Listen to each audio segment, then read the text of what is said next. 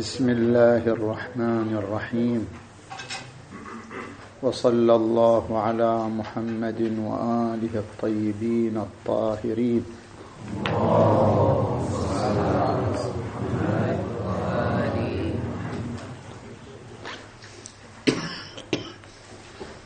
وقع البحث في الفرق الجوهري بين المذهب الحسي والمذهب العقلي. هناك مدرستان منذ القدم في نظرية المعرفة وهما المدرسة الحسية والمدرسة العقلية. المدرسة الحسية تمتد من عهد الإغريق.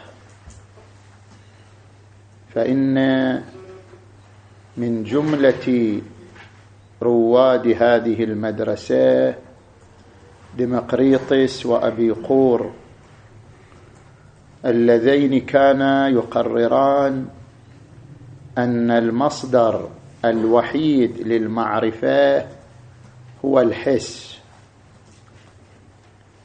وأن المعرفة إنما تحصل بسبب أن ذرات الأشياء الموجودة تنفذ إلى الدماغ وتوجد صور الأشياء في صفحة الدماغ.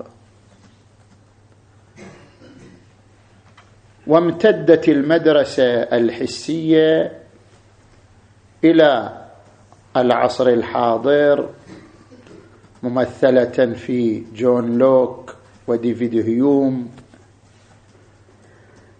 وغيرهم من أركان هذه المدرسة. وفي المقابل المدرسة العقلية التي ترى أن المصدر الوحيد للمعرفة هو العقل.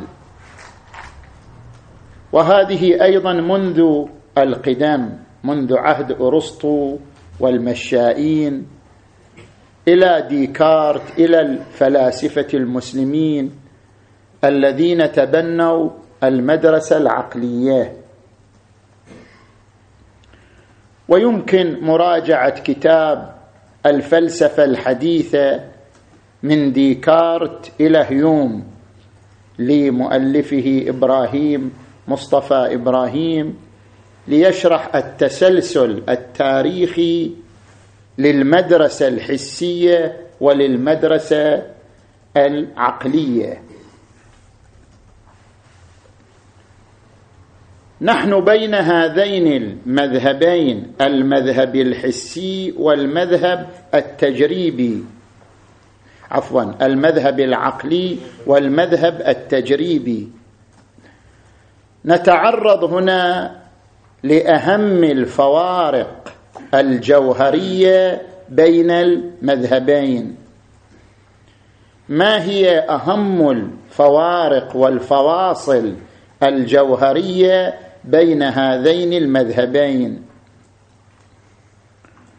الفارق الأول في وجود مبادئ فطرية قبلية. هل توجد لدى الإنسان معارف قبلية مغروسة في فطرته قبل أن يقوم بالتجربة قبل أن يقوم بالتصرف بالإحساس. هل هناك مبادئ قبلية أم لا؟ وهذا فارق جوهري بين المدرستين. هناك أربعة مبادئ نحن نتداولها خصوصا في معارفنا الإسلامية والحوزوية. المبدأ الأول الهوية وكما يعبر عنه بالذاتية وهو كل شيء هو هو وما ليس هو فليس هو. كل شيء هو هو الذي يعبر عنه بمبدأ الهوية مبدأ الذاتية. مبدأ نتداوله في مقام الاستدلال وفي مقام النقد والمناقشة. هذا المبدأ يعتمد على ركنين. الركن الأول أن لكل شيء تقررا ثابتا. كل شيء هو في نفسه له تقرر له معنى ثابت. لو لم يكن للشيء معنى ثابت لم يكن معنى لقولنا كل شيء هو. فلا بد أن يكون له معنى ثابت. والركن الثاني أن هذا الشيء الذي له معنى ثابت لو وجد هو الذي يوجد وليس غيره. يعني في وجوده لا يختلط بغيره لا يلتبس بغيره بل هو بذاته الذي يوجد. الإنسان له معنى ثابت وإذا وجد فيوجد بنفس معناه ولا يختلط بغيره. بناء على هذين الركنين قام مبدأ الهوية. كل شيء هو هو. وما ليس هو فليس هو. هذا يعبر عنه بمبدأ الهوية. المبدأ الثاني مبدأ عدم مبدأ الوسط الممنوع. هذا بتعبير الفلاسفة المحدثين يسمونه الوسط الممنوع. نحن في الحوزة نسميه مبدأ عدم التناقض. النقيضان لا يجتمعان هو الذي يعبر عنه الفلاسفة المحدثون الوسط الممنوع. لا يمكن أن يكون الشيء نفسه وليس نفسه. لا يمكن أن يكون الشيء موجودا ولا موجود. مبدأ عدم التناقض. طبعا هناك خلاف عند المناطقه هل المبدأ الأول هو الهوية ويتفرع عليه مبدأ عدم التناقض أو العكس؟ أن المبدأ الأول هو عدم التناقض ويتفرع عليه مبدأ الهوية. فهناك من يقول بأنه المبدأ الأول الأساس لكل المبادئ مبدأ الهوية. لو لم نؤمن بأن الشيء هو هو لما آمنا بأن ما كان هو لا يمكن أن يكون ليس هو. فمبدأ عدم التناقض الشيء لا يمكن أن يكون هو وليس هو. هذا المبدأ فرع أن يكون للشيء هوية في حد ذاته فمبدأ الهوية سابق على مبدأ عدم التناقض. وهناك من يقول بالعكس أساسا لا يمكن لنا أن نقرر أن كل شيء هو هو وما ليس هو فليس هو إلا إذا آمنا مسبقا بأنه لا يمكن أن يجتمع النقيضان. على أية حال المبدأ الثاني الوسط الممنوع أي مبدأ عدم التناقض. المبدأ الثالث الثالث المرفوع وهو مبدأ استحالة ارتفاع النقيضين. استحالة ارتفاع النقيضين يعني الثالث المرفوع. ما في شيء ثالث.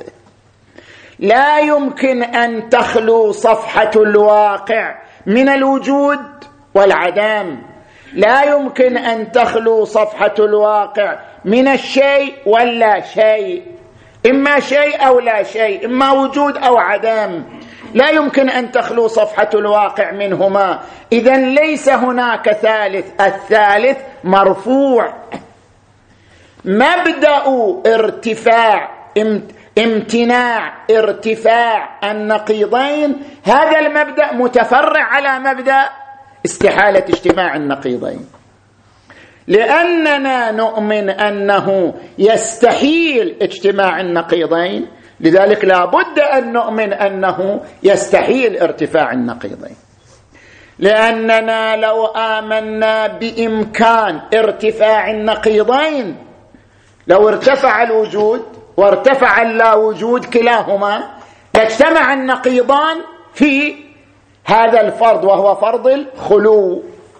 إذا قلنا بأنه يمكن أن يخلو الواقع من الوجود والعدم اذا في فرض الخلو اجتمع النقيضان وهذا مستحيل لمبدأ استحالة اجتماع النقيضين. المبدأ الرابع مبدأ السببية أن لكل مسبب سببا أو لكل حادث سببا يكفي في حدوثه. هذه المبادئ الأربعة.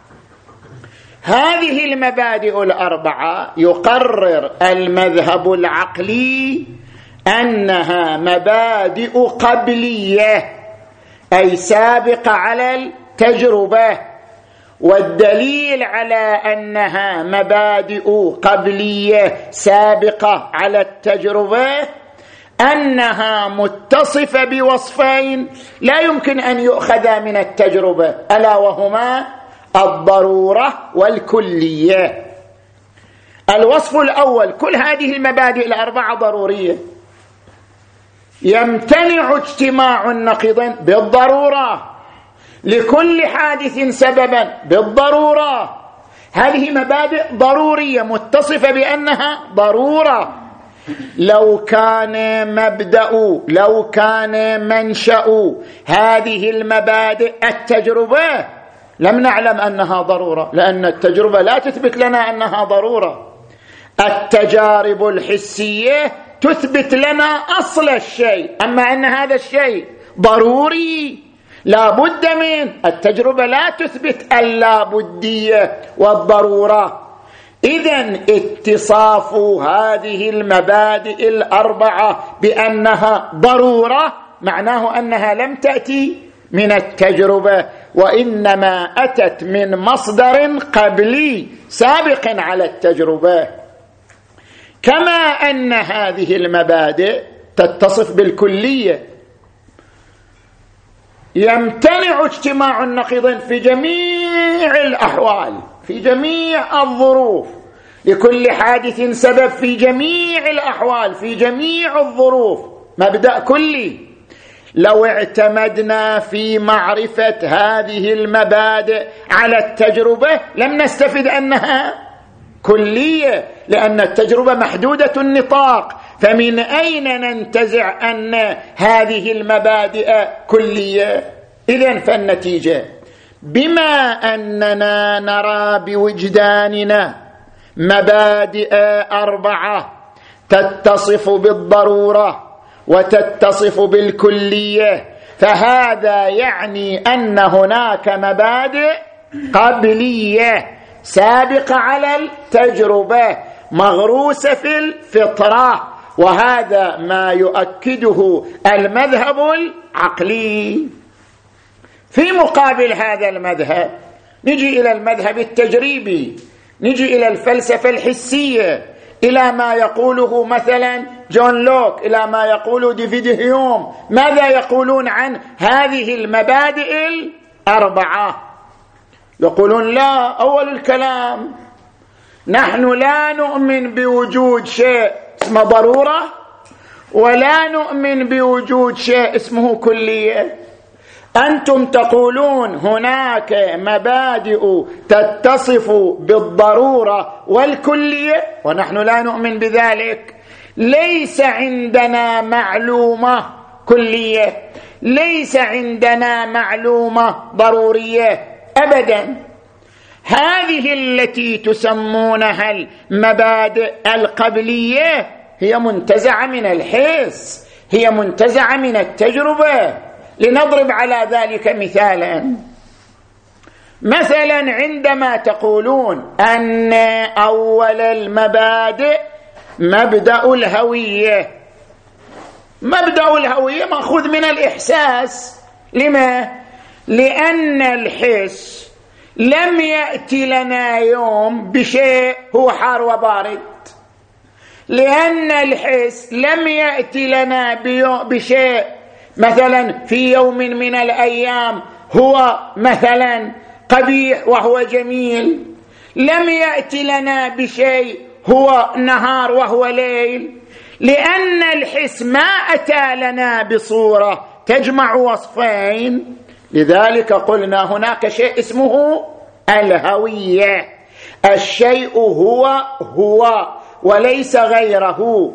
إنما تقرر مبدأ الهوية بناء على أن الإحساس هو الذي لم يات لنا بصورة تجمع وصفين. مثلا عندما نقول بمبدأ العلية أن لكل حادث سببا وهذا أول الكلام.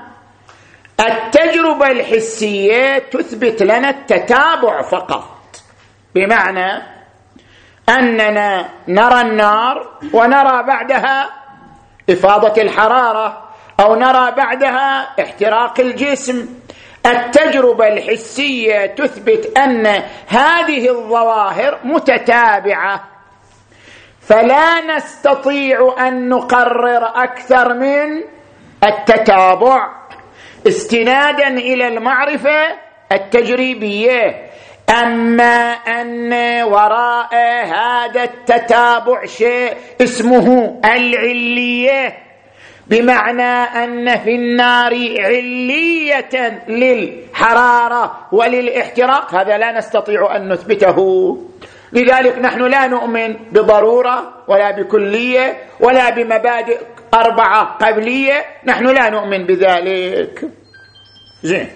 هذا فارق. جوهري بين المدرستين في وجود مبادئ قبلية سابقة على التجربة. نأتي إلى الفارق الثاني. ألا وهو طبيعة الاستدلال. كيف يستدل المذهب الحسي؟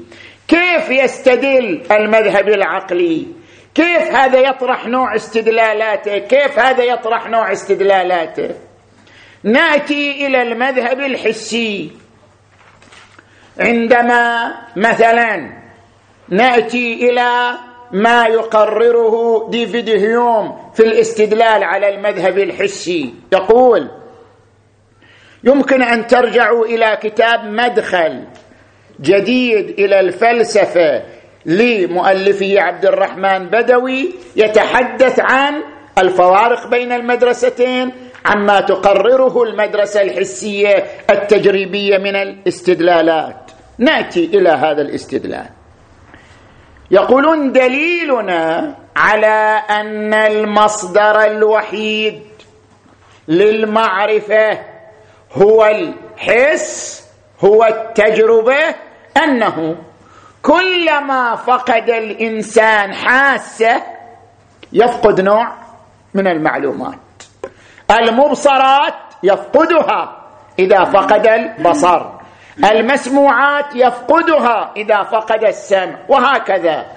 فلو فرضنا أن شخصا ولد وليس عنده أية حاسة من الحواس فاقد لجميع الحواس.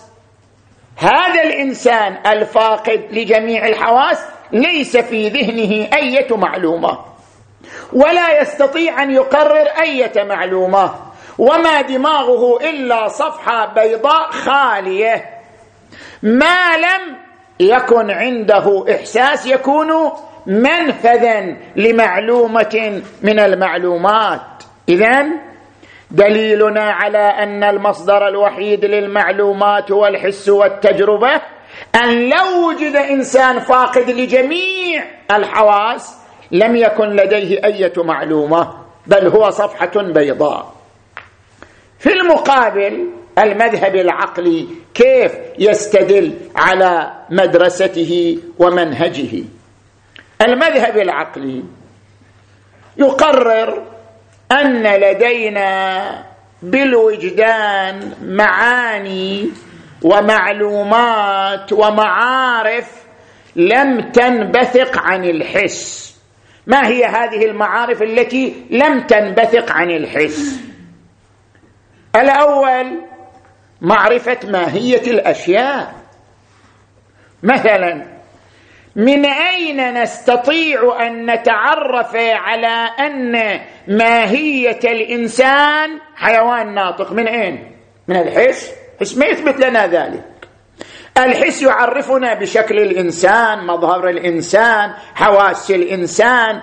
أما إدراك حقيقة الإنسان وأن حقيقة الإنسان تتألف من عنصرين حيوانية يعني لكل إنسان مبدأ للإحساس والحركة والنمو. ناطقية بمعنى أن لكل إنسان قدرة عقلية لغوية. من أين نعرف ذلك؟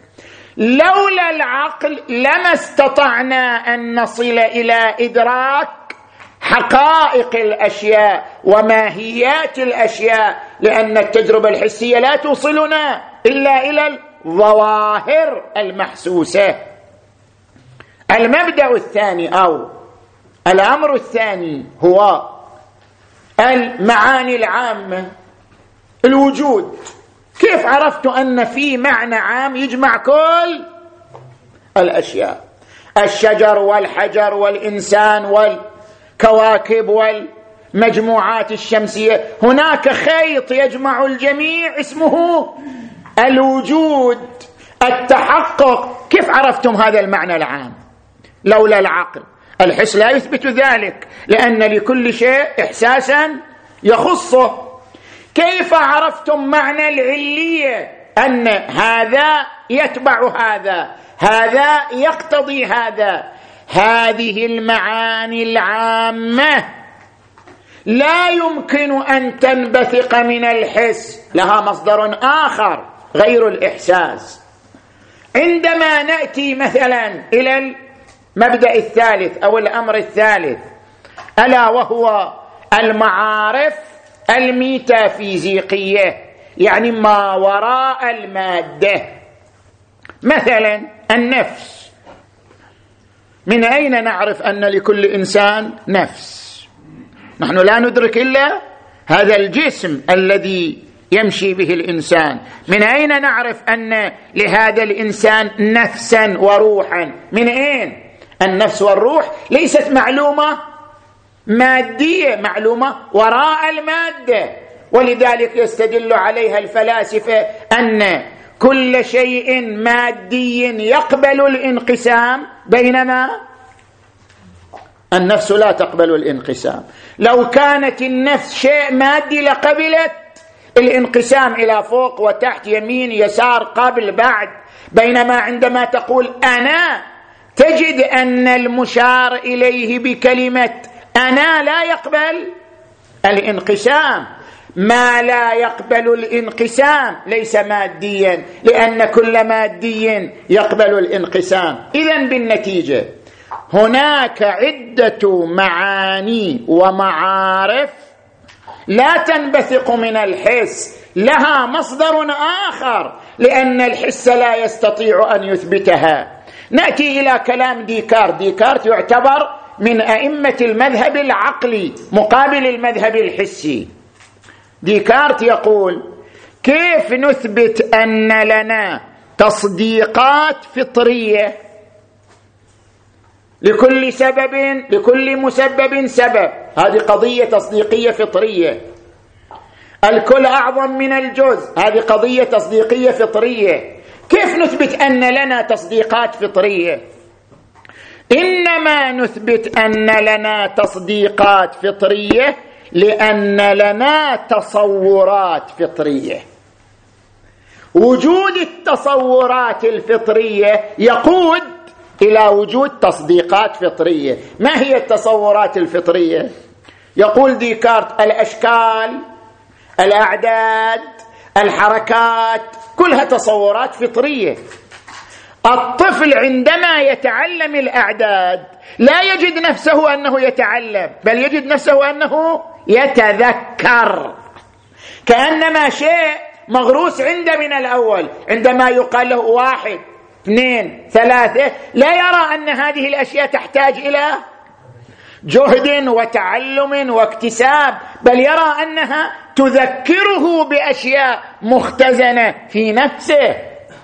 وعندما يتعلم الأشكال مثلث مربع مستدير ما يرى أن هذه اشياء تحتاج إلى اكتساب ولكن يرى أنها تذكره بصور هي موجودة مختزنة في ذهنه. أو عندما يعلم الحركات حركة مستديرة حركة عمودية حركة أفقية حركة مستديرة حركة مستقيمة. حركة سكون. يرى أن هذه أشياء بديهية. اذا هناك تصورات فطرية في الأعداد في الأشكال في الحركات عندما يتعلمها الطفل يجد أنه يتذكرها وليس يتعلمها. هذا دليل على وجود تصورات فطرية. اذا كما أن هناك تصورات فطرية سبقت التجربة اذا هناك أيضا تصديقات فطرية وهي القضايا التصديقية سبقت التجربة. ولذلك الآن الإنسان بوجدانه بفطرته يقدر يتصور شكل مو موجود في العالم كله. لا هو مثلث لا هو دائري لا هو مستقيم لا هو يستطيع أن يتصور في ذهنه شكلا لا وجود له في العالم. وعندما يتصور هذا الشكل يرى أن لهذا الشكل معنى وإن كان هذا المعنى غير موجود في الخارج.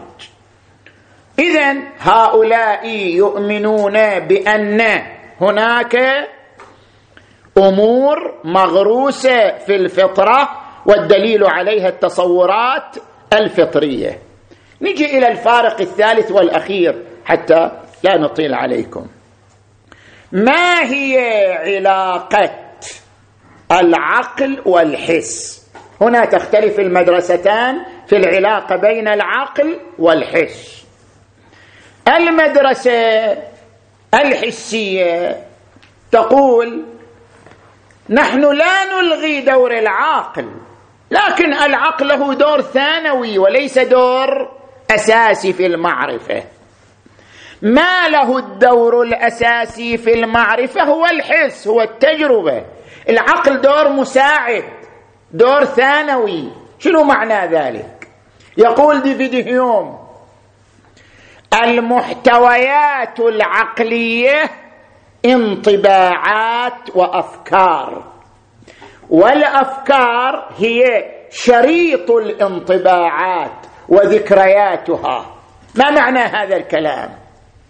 معنى هذا الكلام أن الإحساس إذا تعلق بالواقع تأتي صور وتنطبع في الذهن.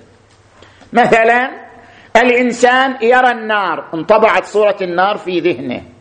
يقترب من النار يشعر بالحرارة. هنا صار انطباع لصورتين صورة النار صورة الحرارة. وجاءت الصورة الثانية عقيب الأولى. فإذا تكررت هذه الانطباعات هذه المرحلة الأولى مرحلة الانطباعات. إذا تكررت هذه الانطباعات نار شعور بالحرارة. هنا يحصل نسق في الذهن. يسميه بالنسق والنظم. يعني نتيجة هذه الانطباعات. يصير في ذهنك شنو؟ يصير في ذهنك شريط. نار فحرارة. هذا النسق هذا النظام الذي هو موجود في الذهن يقول عنه العقل أن هناك معلومات فيزيائية أن النار مثلا وجود مفيض للحرارة. العقل دوره دور ثانوي. الذي زودك بالصور وزودك بنظام ونسق بين هذه الصور كله التجربة الحسية. العقل أدرك هذا النظام أدرك هذا النسق فقال إن النار موجود مفيض للحرارة. اذا دور العقل دور ثانوي. هو في أخذ الأفكار من الانطباعات. المرحلة الأولى مرحلة انطباعات يعني صور متتابعة. المرحلة الثانية أفكار. الأفكار مأخوذة من الانطباعات. بينما عندما نأتي للمدرسة العقلية المدرسة العقلية ماذا تقرر؟ تقرر المدرسة العقلية أن المصدر الأول للمعارف هو العقل. لا ننكر المعلومات الحسية لكن المعلومات الحسية مسرح للمعلومات العقلية. كيف المعلومات الحسية مسرح للمعلومات العقلية؟ بيان مراحل ثلاث المرحلة الأولى من الذي يوجه الحواس لكي تلتقط المعلومات؟ العقل العقل هو الموجه يوجه البصر للمبصرات. ما يوجه البصر للمسموعات؟ ما يوجه السمع للمبصرات؟ هناك قوة توجه البصر لنوع معين من المعلومات. توجه السمع لنوع معين من المعلومات. اذا المرحلة الأولى توجيه العقل للحواس. المرحلة الثانية المقارنة بين الصور. المقارنة بين الصور التي تأتي إلى الذهن. المقارنة بين الصور من أجل انتزاع معاني اللي يعبر عنها هيوم أفكار. من أجل انتزاع معاني من هذه الصور. هذه المرحلة الثانية من الذي يقوم بها؟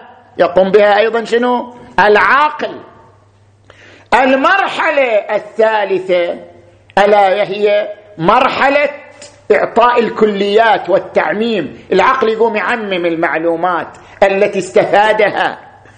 فالعقل هنا يستخدم الصور مسرحا له. يجول فيه المعلومات الحسية مسرح للمعلومات العقلية. يقوم العقل بجمع هذه الصور بالمقارنة بينها بانتزاع معاني كلية منها. يقول كل نار حارة لكل حادث سبب. مثلا الكل أعظم من الجزء وهكذا. مبدأ التعميم يأتي من العقل. العقل يقوم بالتعميم. ولأجل ذلك العقل يستعين بالمبادئ القبلية التي عنده على التصرف في هذه الصور وتخريج تعميمها لغير نطاق التجربة. فوارق ثلاثة أساسية بين المدرسة الحسية والمدرسة العقلية لذلك.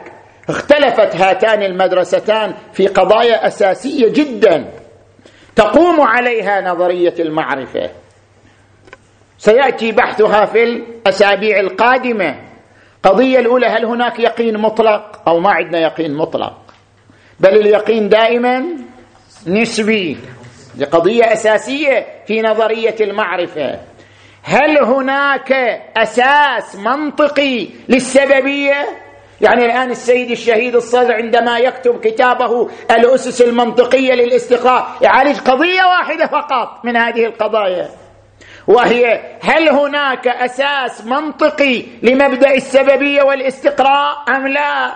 هذه قضية أساسية محورية بين المدرستين المدرسة الحسية والمدرسة العقلية. القضية الثالثة هل هناك معارف ميتافيزيقية أصلا؟ هل هناك شيء معارف وراء الطبيعة وراء المادة؟ هل هناك روح؟ هل هناك الله؟ هل هناك هل هناك معارف وراء المادة أم لا؟ هذه قضية ثالثة أساسية. والقضية الرابعة الأساسية بين هاتين المدرستين هل توجد معاني كلية؟ اللي إحنا أتينا بطبيعة الاستدلال عند هذه المدرسة طبيعة الاستدلال عند هذه المدرسة. هل هناك معاني كلية أصلا يدركها الإنسان أم لا؟